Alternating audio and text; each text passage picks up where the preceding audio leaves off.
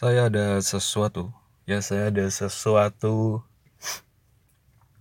bacaan yang lumayan bagus untuk menutup atau mengawali akhir tahun 2019 atau mengawali tahun 2020 saya dapat dari website Mojok.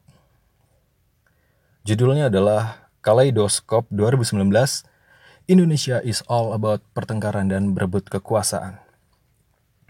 Bacaan sedikit deh karena ini lumayan panjang. Tahun 2019 akan berakhir dua hari lagi.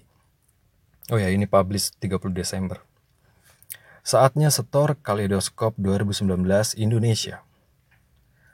Tahun 2019 adalah tahun berakhirnya saga-saga epic bersamaan dengan tamatnya serial HBO Game of Thrones dan Avengers Endgame menutup Marvel Cinematic Universe fase ketiga Pilpres digelar untuk mengakhiri perseteruan dua kubu pendukung Joko Widodo dan Prabowo Subianto yang tak bosan-bosannya berperang. Avengers berhasil mengalahkan Thanos dengan mengorbankan Black Widow dan Iron Man. Night King dibunuh oleh Arya Stark terlalu cepat.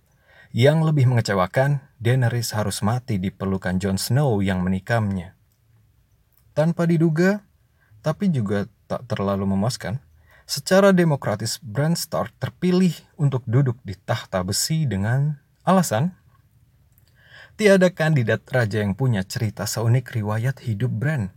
Jatuh dan lumpuh, tak bisa berjalan lagi, tapi pantang menyerah dan mulai belajar terbang. Yang tak kalah mengecewakan adalah ending percaturan politik di negeri ini. Kaleidoskop 2019 tak lengkap tanpa menyertakan fakta bahwa Jokowi sekali lagi mengalahkan Prabowo. Tagar 2019 ganti presiden gagal total. Plot twistnya, Prabowo akhirnya mau jadi anak buah Jokowi. Hmm.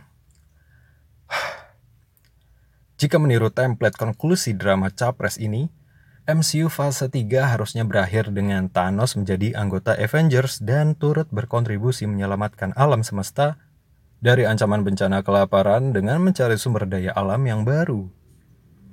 Hikmah dari perdamaian Jokowi dan Prabowo adalah punahnya populasi kampret. Seiring bubarnya koalisi Indonesia Adil Makmur, setelahnya muncul spesies baru yaitu kadal gurun yang hobi menebar hoax sara. Namun lawan debat pendukung Jokowi di media sosial kini tak hanya kadal gurun itu, tetapi mantan pemilih Jokowi itu sendiri yang ingin Indonesia baik-baik saja. Sejumlah aksi digelar untuk mengingatkan Jokowi akan janji-janjinya sendiri. Film dokumenter seperti Sexy Killers mengedukasi masyarakat tentang konsep oligarki. Semua terbukti ketika Jokowi bagi-bagi kue kekuasaan.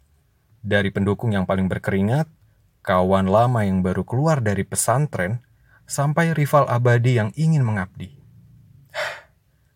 Semua kebagian. Pada akhirnya, mereka-mereka juga yang dapat peran.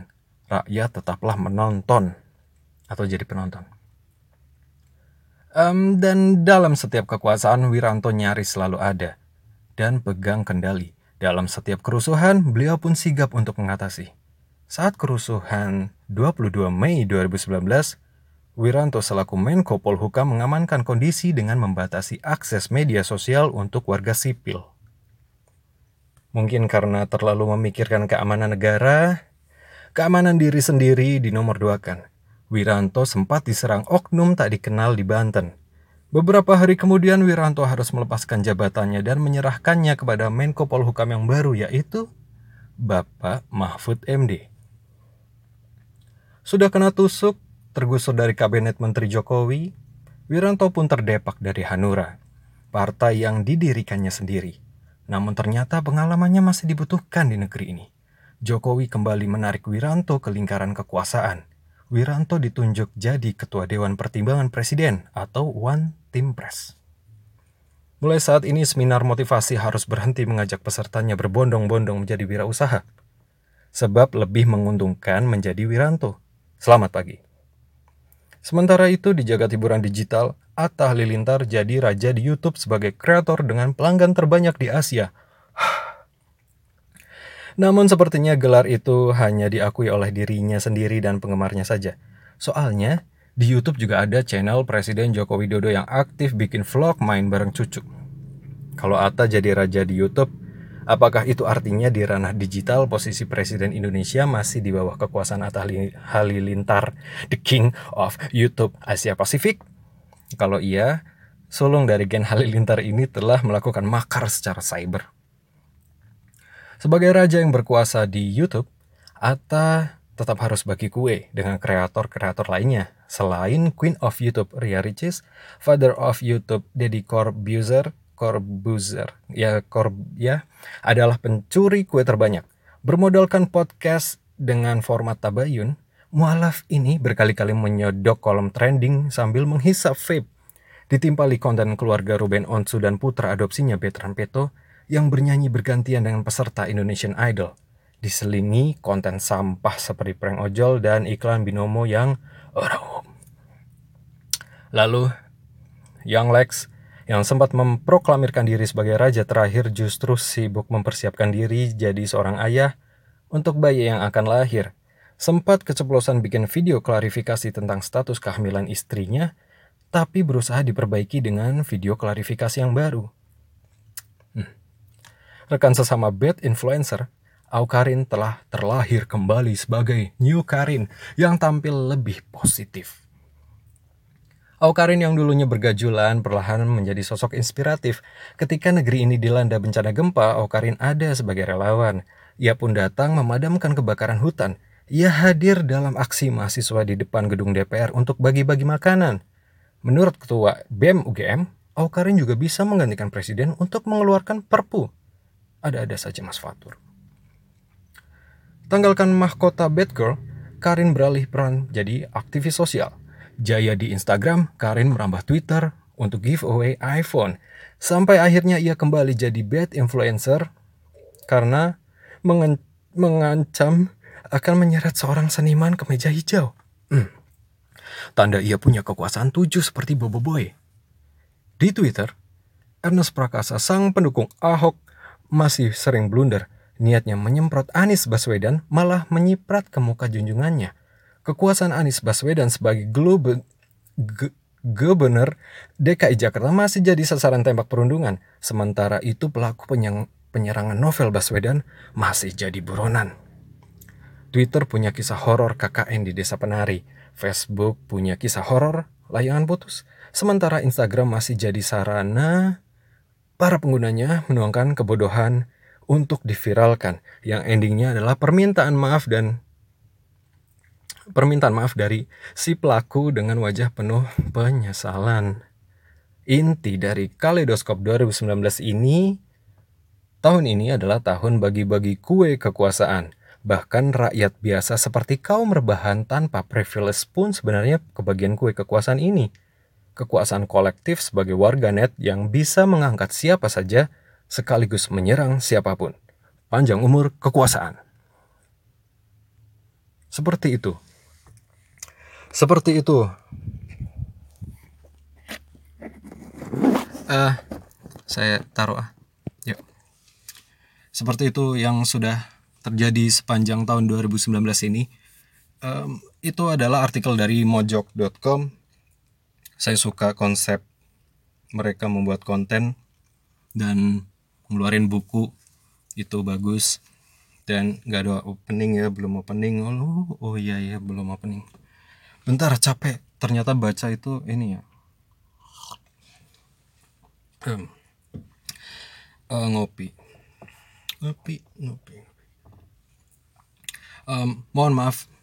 Karena sudah lama sekali saya tidak bikin konten atau bikin podcast. Karena sejujurnya ya sejujurnya lagi.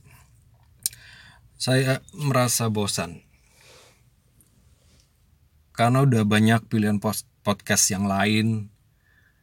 Hmm, dan saya belum punya kesempatan. Sebenarnya bukan belum punya kesempatan mungkin ada kesempatan tapi karena keterbatasan alat yang belum saya beli juga karena kebeli hal-hal yang lain. Gak tau ya kalau kalau beli alat gitu kok kayaknya sayang sayang saya kemarin pengen beli ini clip on. Clip on lavalier mereknya Dieti. Itu sekitar harganya antara 700 mepet 800 sampai 1 juta. Itu untuk clip on kecil itu lumayan mahal sebenarnya harganya. Tapi kalau lihat reviewnya di internet uh, di Indonesia belum ada yang review. Tapi kalau di luar itu udah banyak yang review dan reviewnya oke okay untuk harga segitu. Dan bisa langsung colokin ke handphone. Itu enak banget sih. Ya kapan-kapan dibeli karena kalau misalnya ngobrol sendirian monolog seperti ini enak kan. E, tinggal masuk mobil pakai HP udah selesai. Tapi sedangkan kalau kita mau ada bintang tamu paling nggak kita punya alat yang proper lah buat buat, inilah apa namanya timbal balik um, ke kesediaan mereka untuk meluangkan waktu dan berbicara sama kita dengan konten yang dihasilkan itu harus paling nggak enak atau jelas didengarkan. Sedangkan kalau pakai mikrofon bawaan dari ponsel itu terlalu sensitif ke semua arah jadinya kalau di luar eh, ketangkap semua suaranya dan jadi nggak jelas. Sedangkan kalau mau masuk ke mobil sama-sama kayak gini, saya nggak yakin bintang tamunya itu mau ya dan kuat untuk bernapas satu jam dalam mobil tanpa AC. Bisa kamu bayangin kenapa saya ngos-ngosan dan berkeringat. Hmm. Jadi seperti itu. 2019 sudah berakhir atau tepatnya ketika saya merekam ini ini belum berakhir tapi sebentar lagi berakhir. 2020 akan datang. Um, saya tidak terlalu excited dengan pergantian tahun tidak mempersiapkan doa atau resolusi atau ritual-ritual aneh, beli kembang api, topi, trompet, dan segala macamnya saya tidak sudah tidak tertarik dengan dunia seperti itu karena masalah yang ada itu semakin berat dan lebih layak untuk dipikirkan dan dipersiapkan ya daripada untuk menulis dan posting uh, seperti itu. Tapi kalau kamu nggak memikirkan seberat itu nggak apa-apa sih buat iseng-iseng aja buat have fun have fun aja. Uh, apa yang sudah dicapai di tahun 2019 uh, eh, cukup muak ya seperti yang saya bacakan tadi dari artikel Mojok. 2019 itu diawali dengan tagar-tagar itu. Uh, eh, 2018 juga udah ada tagar itu sih untuk mempersiapkan 2019-nya ada kilat. Uh, menakutkan. Lalu sudah awal tahun 2019 itu sudah mulai perang-perang hashtag yang memicu panasnya panasnya hubungan di antara kita sesama warga negara yang memiliki kepentingan eh kepentingannya mungkin sama ah, pilihan yang berbeda eh, pilihan pemimpin. Dan kita larut dalam drama itu ada oplasnya Bu Ratna Sarumpayat yang baru kemarin sudah bebas. Lalu ada Habib Rizik yang masih di Arab, belum pulang. Lalu ada fenomena apa lagi? Ya pokoknya udah udah ada di situlah tadi kamu dengarkan. Lalu uh, apakah kamu termasuk golongan orang yang larut dalam hal itu atau um, mendukung salah satu pasangannya dengan terlalu menggebu-gebu dan akhirnya sampai sempat uh, berkelahi atau um, uh, urat tegangnya itu eh kok urat tegang? Uratnya itu menegang karena berbeda pendapat dengan teman sebaya. Yang sebenarnya nggak harusnya terjadi. Karena kamu tahu kan akhirnya akan jadi seperti apa. Saya meyakini apa yang um, cerita apa yang ditampilkan dalam film atau drama seri uh, terlebih dari luar ya Hollywood atau um, Thailand atau Cina atau Jepang Korea? Kalau Indonesia nggak tahu saya.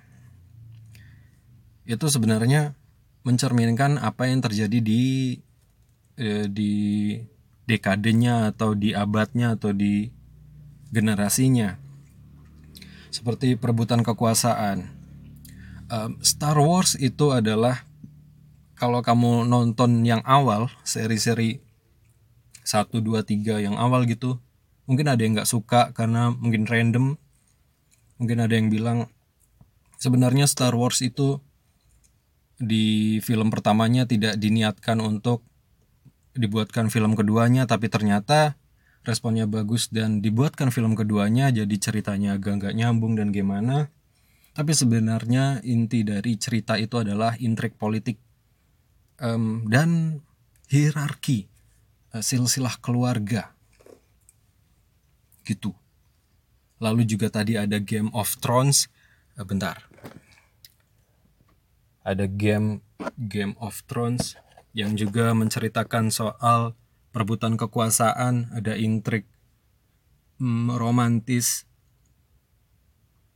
Hmm, ya kita lihatlah e, bagaimana ketika kekuasaan direbutkan dan mereka menyusun strategi sebagaimana mungkin orang yang sang, sangat ahli gitu ya. Apa pun akan dilakukan demi mencapai tujuannya dan walaupun misalnya tujuan orang itu adalah sama-sama kekuasaan, tapi latar belakangnya yang mempengaruhi orang itu berbuat atau pengen banget kayak gitu atau mencapai itu gitu, itu mungkin bisa beda-beda karena latar belakangnya beda. Ada cerita di balik niat atau motivasi seseorang untuk mencapai suatu tujuan yang entah akan mempengaruhi orang itu berperilaku baik atau dengan cara yang baik-baik atau dengan cara yang kurang baik selama beberapa bulan. Berapa bulan sih? Dua bulan atau ya? Saya nggak bikin. Sebenarnya saya pengen bikin. Eh nggak juga ding. Saya nggak pengen bikin. Ya karena tadi itu podcast ramai. Lalu diisi dengan public figure yang sudah besar. Eh, sebenarnya bukan. Uh, Alfa bicara ini pasti ada yang dengar walaupun tidak banyak tapi pasti ada. Belum ada episode yang belum benar-benar nggak ada yang dengar nah, semuanya ada yang dengar. Hanya saja ketika saya misalnya pengen membicarakan sesuatu yang baik atau menjadi sumber informasi saya nggak bisa. Menjadi panutan atau contoh yang baik atau memberikan saran juga saya nggak bisa. Lebih tepatnya nggak mau karena siapa saya? Saya nggak mau memberikan apa ya seperti kemarin-kemarin mungkin awal-awal saya mencoba untuk mm, memberikan dampak positif atas semua yang sudah saya publish. Tapi sebenarnya saya nggak betul-betul mengerti kalian atau mengerti latar belakang kalian itu kenapa. Misalnya saat saya membahas quarter life crisis di usia 25 dan atau 24 sekian itulah. Karena tidak semua orang juga mengalami hal itu di waktu yang sama, bisa juga mengalami hal itu sebelum tahun eh, 25 tahun atau sesudahnya. Ya, karena latar belakang orang beda-beda. Saya menyadari hal itu ketika saya coba pikir-pikir lagi. Uh, ternyata satu salah satu masukan atau pendapat atau usulan eh bukan kok usulan sih apa sih apa namanya uh, saran hmm. Saran yang saya berikan belum tentu juga bekerja di kamu gitu ketika saya berbagi insight atau berbagi berbagi cerita pengalaman bagaimana saya mengatasi masalah ini masalah itu apa yang saya lakukan belum tentu bisa berhasil di kamu. Karena manusia itu unik, karena manusia itu punya latar belakangnya sendiri, punya caranya sendiri, dan kita nggak bisa menjudge orang. Misalnya dalam menghadapi masalah ketika dia patah hati atau ketika dia kecewa dengan keadaan karena keinginannya tidak terpenuhi atau target tahun ini tidak tercapai itu hmm, jangan sedih dong jangan ini patah semangat coba lagi gitu Gak semua orang bisa menerima advice Gak semua orang bisa menerima oke okay, nggak apa-apa. Lanjutin tahun depan nggak apa-apa. Ini nggak bakal ini. Nggak bakal buat kamu sakit atau mati gitu. Nggak bisa. Karena kita mungkin sudah terbentuk masing-masing ya. Karakter kita dari orang tua atau keluarga kita secara gen atau secara perilaku yang uh, treatment yang diberikan sama kita waktu kecil hingga saat ini. Ala, saya saat ini masih berpikir latar belakang keluarga, bagaimana cara orang tua memperlakukan anak itu sangat mempengaruhi uh, diri teman-teman, diri kita semua, dan juga uh, dengan siapa kita berkawan. Lingkaran pertemanan juga mempengaruhi cara kita berpikir, cara kita menentukan target, cara kita membahas sesuatu. Karena kan ada lingkungan atau lingkaran pertemanan yang kalau ketemu atau kumpul itu bahasnya cuma uh, orang. Waktu itu saya pernah baca meme um, orang apa ya? Uh, secara tepatnya saya nggak apal tapi orang biasa-biasa aja biasanya itu bahasnya orang gitu. Orang yang bawah itu bahas uh, orang yang bawah itu bahasnya tentang orang. Orang yang standar biasa-biasa aja bahasnya tentang things tentang kekayaan. Oh, apa yang udah dia punya. Sedangkan orang-orang yang high yang kelas atas itu membahasnya adalah ide. Saya pengen bahas ide. Tapi emang kadang susah juga ya. Kita kan berteman untuk ya ini lah memang untuk teman akrab harus pilih-pilih. Tapi untuk mengenal orang itu siapa aja nggak apa-apa sih. Tapi untuk diakrabi untuk jadi partner untuk berbagi pendapat berbagi apa pun itu harus pilih-pilih karena uh, setahu saya ada pepatah yang bilang berteman dengan tukang minyak wangi akan kebagian wanginya berteman dengan pandai besi akan kebagian apanya itunya besinya bau besinya atau apanya itulah Jadi apa kabar kamu selama ini? Bentar lagi. Matiin eh hidupin layar. Ini mau saya kasih backsound gak ya? Saya males editingnya, cuma harus saya convert ke M4A biar uploadnya nggak terlalu besar. Karena se sekali rekam itu pasti satu giga atau berapa gitu. Dan itu nggak bisa langsung di di upload di Anchor. Hmm, mungkin kalau kamu yang juga punya podcast, bikin podcast gampang kok kayak bikin akun sosial media lain. Tinggal kamu sign up di anchor.fm, lalu kamu mempersiapkan audionya mau merekam atau bikin uh, foto profil atau artworknya. Kalau kamu juga bikin podcast, uh, kamu pernah nggak sih ini langsung rekam di aplikasi Anchornya? Saya belum pernah karena saya takut mubazir gitu takut udah rekam lama-lama ternyata nggak kerekam. Takutnya gitu. Dan karena koneksi internet itu kan ya um, terbatas ya kalau seluler itu. Sedangkan ngerekam offline seperti ini hasilnya sampai 1 giga. Nanti kalau langsung di anchor dengan kualitas yang sama 1 giga pasti susah banget diupload. Dan sedangkan misalnya bisa berarti format atau kualitas audionya itu pasti terkompres yang mana hasilnya mungkin akan lebih burem atau gimana ya. Saya takutnya seperti itu sih.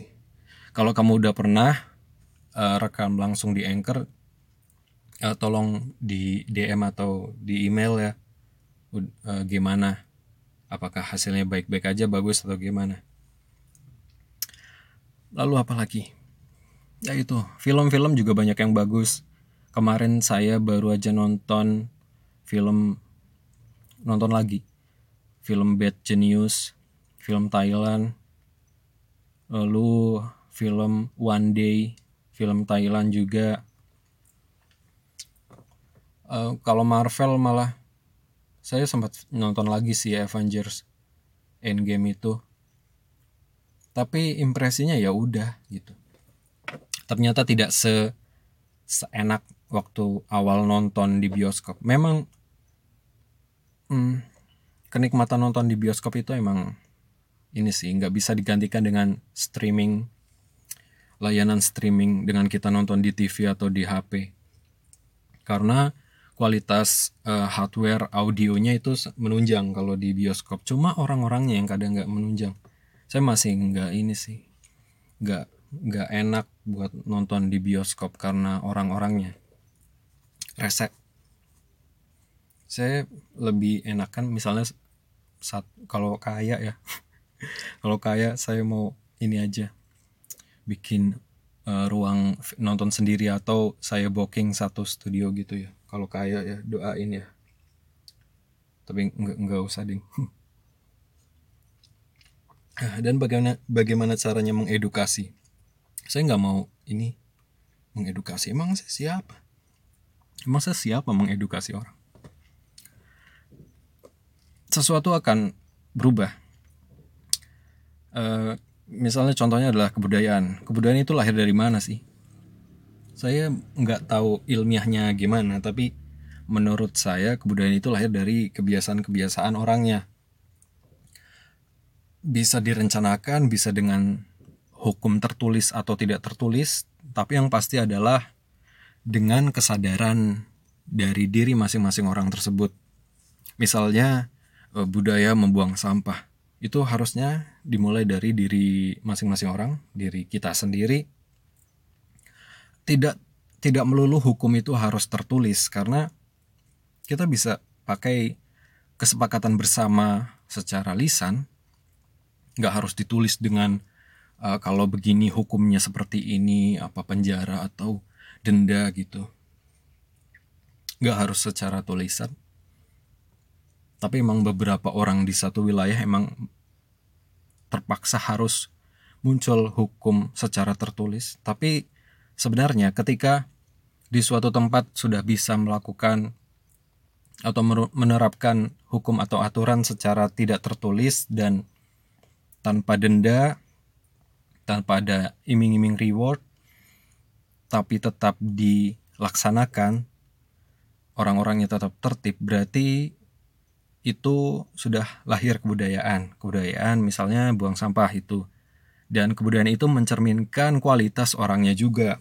Berarti kalau kebudayaannya positif ya berarti orang-orangnya ini bisa uh, positif.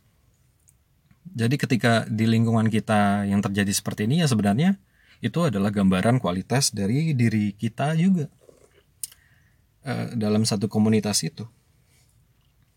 Jadi jangan saling menyalahkan, oh, kenapa begini, kenapa begitu. Dimulai dari diri diri sendiri dulu dan jangan coba untuk menyalahkan orang lain. Uh, langsung menghakimi gitu. Saya makin jenuh juga di sosial media karena jadi tempat marah-marah lagi saya waktu itu udah seneng kalau Twitter itu udah sepi nggak ada teman lagi eh pada gabung Twitter lagi marah-marah lagi yang secara psikologis ketika saya baca tulisan marah-marah itu saya jadi ikut marah. Misalnya apa ya memaki-maki tapi secara tulisan. Karena theater of mind atau apa ya ketika baca nggak sengaja baca pas nggak sengaja baca oh kok marah-marah ada apa nih? Ada muncul penasaran sedikit akhirnya membaca secara lengkap. Dan saat membaca dalam hati itu ada ngiang-ngiang suara di dalam kuping yang ketika marah tulisan marah itu suaranya seperti marah dan itu buat mood jadi jadi buruk. Jadi nggak baik gitu.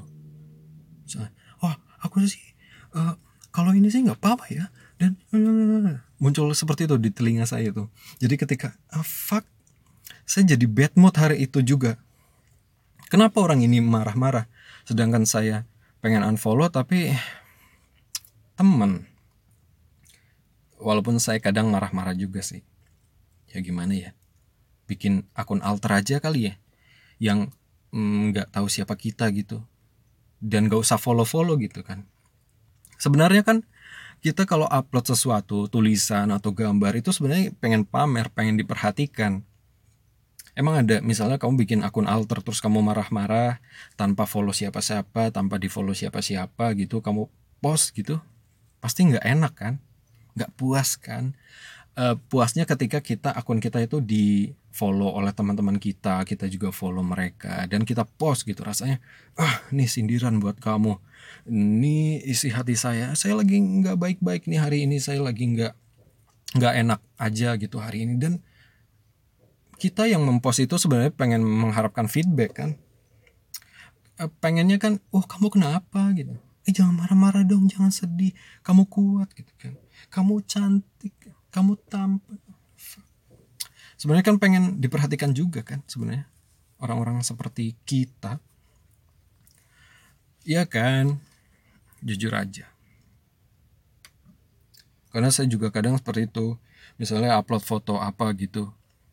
Hmm, saya pengen ada feedback nih gitu. Karena sering kali seperti itu saya ngaco aja upload apa gitu oh ternyata yang seperti ini yang mendapatkan feedback. Akhirnya kita ketagihan. Ah upload foto kayak gini ah biar feedbacknya bagus gitu. Apalagi di sosial media kan. Like uh, dan komen impresi itu sangat membuat kita senang. Kalau banyak kalau dikit sedih gitu seolah-olah heh kita udah berteman udah lama loh. Kenapa kamu nggak like postinganku? Kenapa kamu nggak komen kamu nggak perhatian sama aku. Padahal kita temen loh kita kini toxic sekali mang sosial media itu. Saya rindu tahun 10 tahun yang lalu atau 11 tahun yang lalu ketika sosial media itu baru segelintir orang aja yang yang main. Uh, Friendster itu atau YM Yahoo Messenger yang main itu cuma segelintir. Karena memang nggak semua orang waktu itu punya laptop bisa mengakses internet um, dan tahu informasi gimana cara buatnya dan lain-lain.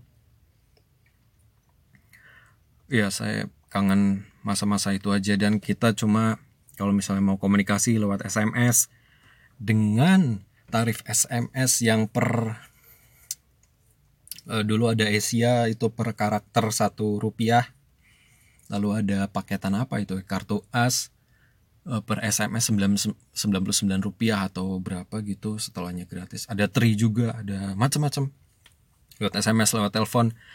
Lalu tanpa tanpa kita harus pusing ketika teman kita ngupload foto oh ternyata dia liburan nih fuck lah. Sebelum liburan nih dia pamer banget sih gitu. Tanpa harus merasakan seperti itu. Atau oh dia sudah punya pacar aduh gimana ini ya sejujurnya sejujurnya lagi uh, sosial media itu mempermudah kita mengakses informasi informasi penting maupun nggak penting dan informasi yang sebenarnya kita nggak butuh. Semisal kayak kabar kabar orang di ujung pulau sana kita bisa tahu, tapi kabar tetangga kita di sebelah kita belum tentu tahu. Hmm, kelaparan penderitaan orang di negara lain kita bisa tahu. Uh, kelaparan atau penderitaan orang di uh, di desa atau di kota atau di kelurahan sendiri belum tentu tahu. Gitu. Ada ada positif ada negatif dan saya juga sebel ini apa orang-orang yang suka ceramah di ini di Insta Story atau apa itulah fuck lah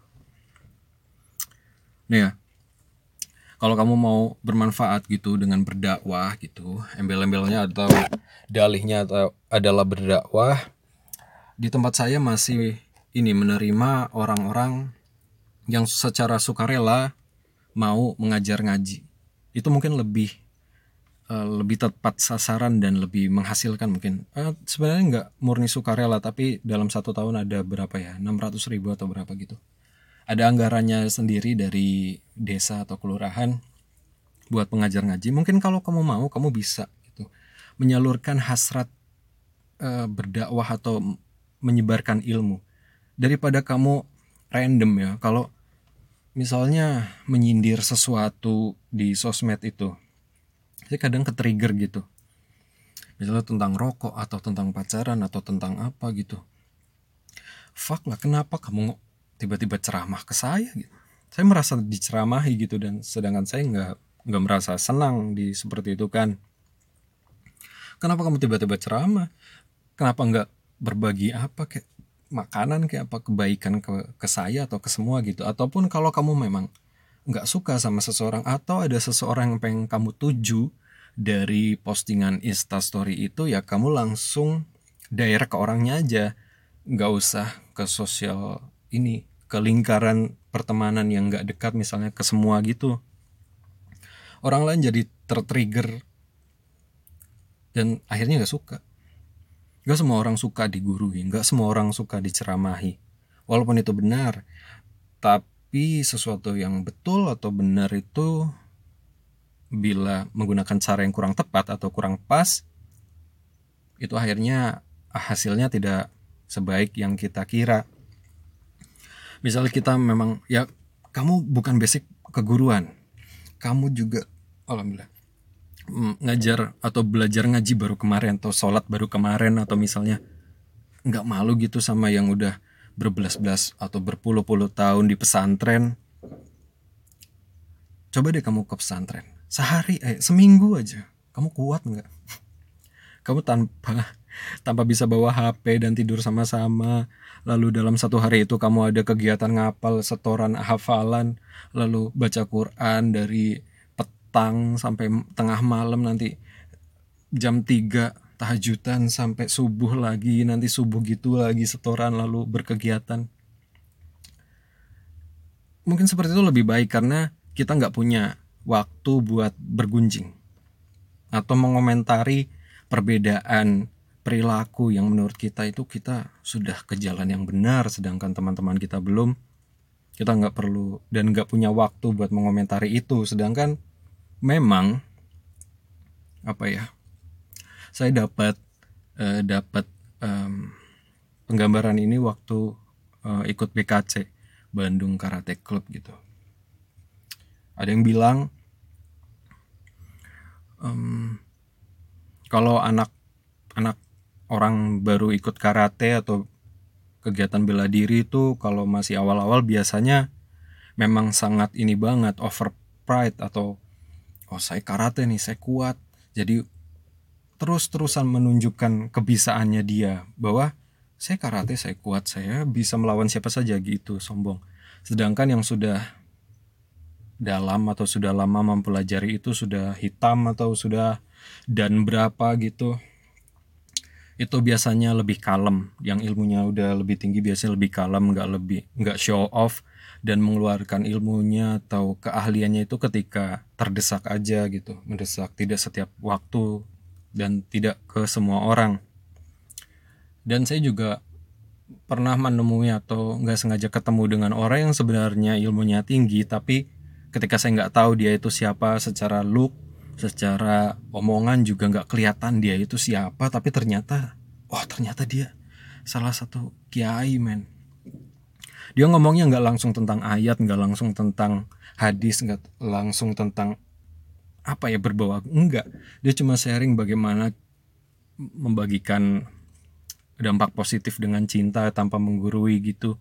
Walaupun di tikam atau diperlakukan tidak baik gitu ketika memperlakukan orang baik itu tidak ada dendam dan terus melakukan itu tanpa harus kamu nggak boleh gini kamu nggak boleh gitu dan selalu berterima kasih dan meminta maaf memohon izin.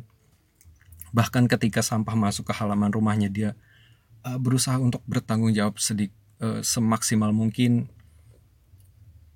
menjaga makanan betul-betul. Ada emang yang orang apa ya mutih gitu ya. Dia nggak makan nasi nggak makan eh uh, nggak makan nasi ada teman temanku ada yang nggak makan nasi dan nggak makan nggak makan apa ya hmm, karbo kayak gitu nggak tahu siapa lupa. Ada juga yang cuma makan nasi atau ada tirakatnya masing-masing.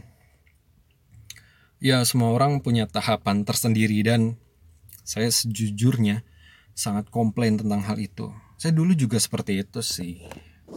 Goblok. Goblok banget buat saya yang dulu. Sama sekarang juga masih agak goblok. Cuma ada keinginan untuk belajar dan saya mengapresiasi itu. Jangan lupa untuk mengapresiasi diri sendiri. Di tahun yang lalu kamu mungkin uh, wishlistnya itu membuat resolusi ke depan. Saya harus ini, target ini, ini, ini, ini. Tapi jangan lupa buat berterima kasih sama diri kamu, sama orang lain di sekitar, sama Tuhan, sama keadaan semua. Karena kamu masih diberikan kesempatan untuk membuat list, wish list lagi, atau membuat harapan lagi. Walaupun beberapa harapan di tahun lalu belum tercapai di tahun ini. Tapi paling enggak masih diberikan kesempatan karena waktu itu mahal. Kita nggak tahu sampai kapan umur kita. Jangan anggap orang yang rajin olahraga atau rajin jaga pola makan itu hidup lebih lama nggak ter nggak nggak selalu atau yang merokok itu akan cepat mati atau karena penyakit? Belum tentu. Belum tentu. Saya ya mungkin pembelaan seorang perokok mungkin ya. Ya ya karena bias karena saya merokok. Tapi saya menemui juga kakek-kakek yang sepuhnya luar biasa. Bukan main itu masih merokok. Dan masih hidup sehat walafiat sedangkan ada yang enggak yang olahraga rajin dia sudah didiagnosis karena penyakit apa dan akhirnya ya takdirnya segitu gitu jadi hmm, saya mungkin bukan menggurui atau itu saya cuma uh, yang ada di isi kepala saya adalah sebenarnya apa pun yang kita lakukan atau apa pun yang kita usahakan itu akan kembali hasilnya itu adalah dari restunya Tuhan atau atau kasih sayang Tuhan gitulah. Untuk urusan usaha kita belajar, kita ngejar atau kerja keras, kerja cerdas atau kerja apa sih? Kerja waras. Itu cuma bagian dari ikhtiar aja dan sedangkan hasilnya nanti adalah aku memandang itu murni dari cintanya Tuhan sama kita gitu. Karena ada yang bilang kalau kamu bilang apa yang kamu capai hari ini adalah hasil dari jeripayahmu aja, itu bisa jadi sombong. Tuhan gak suka orang sombong, katanya gitu.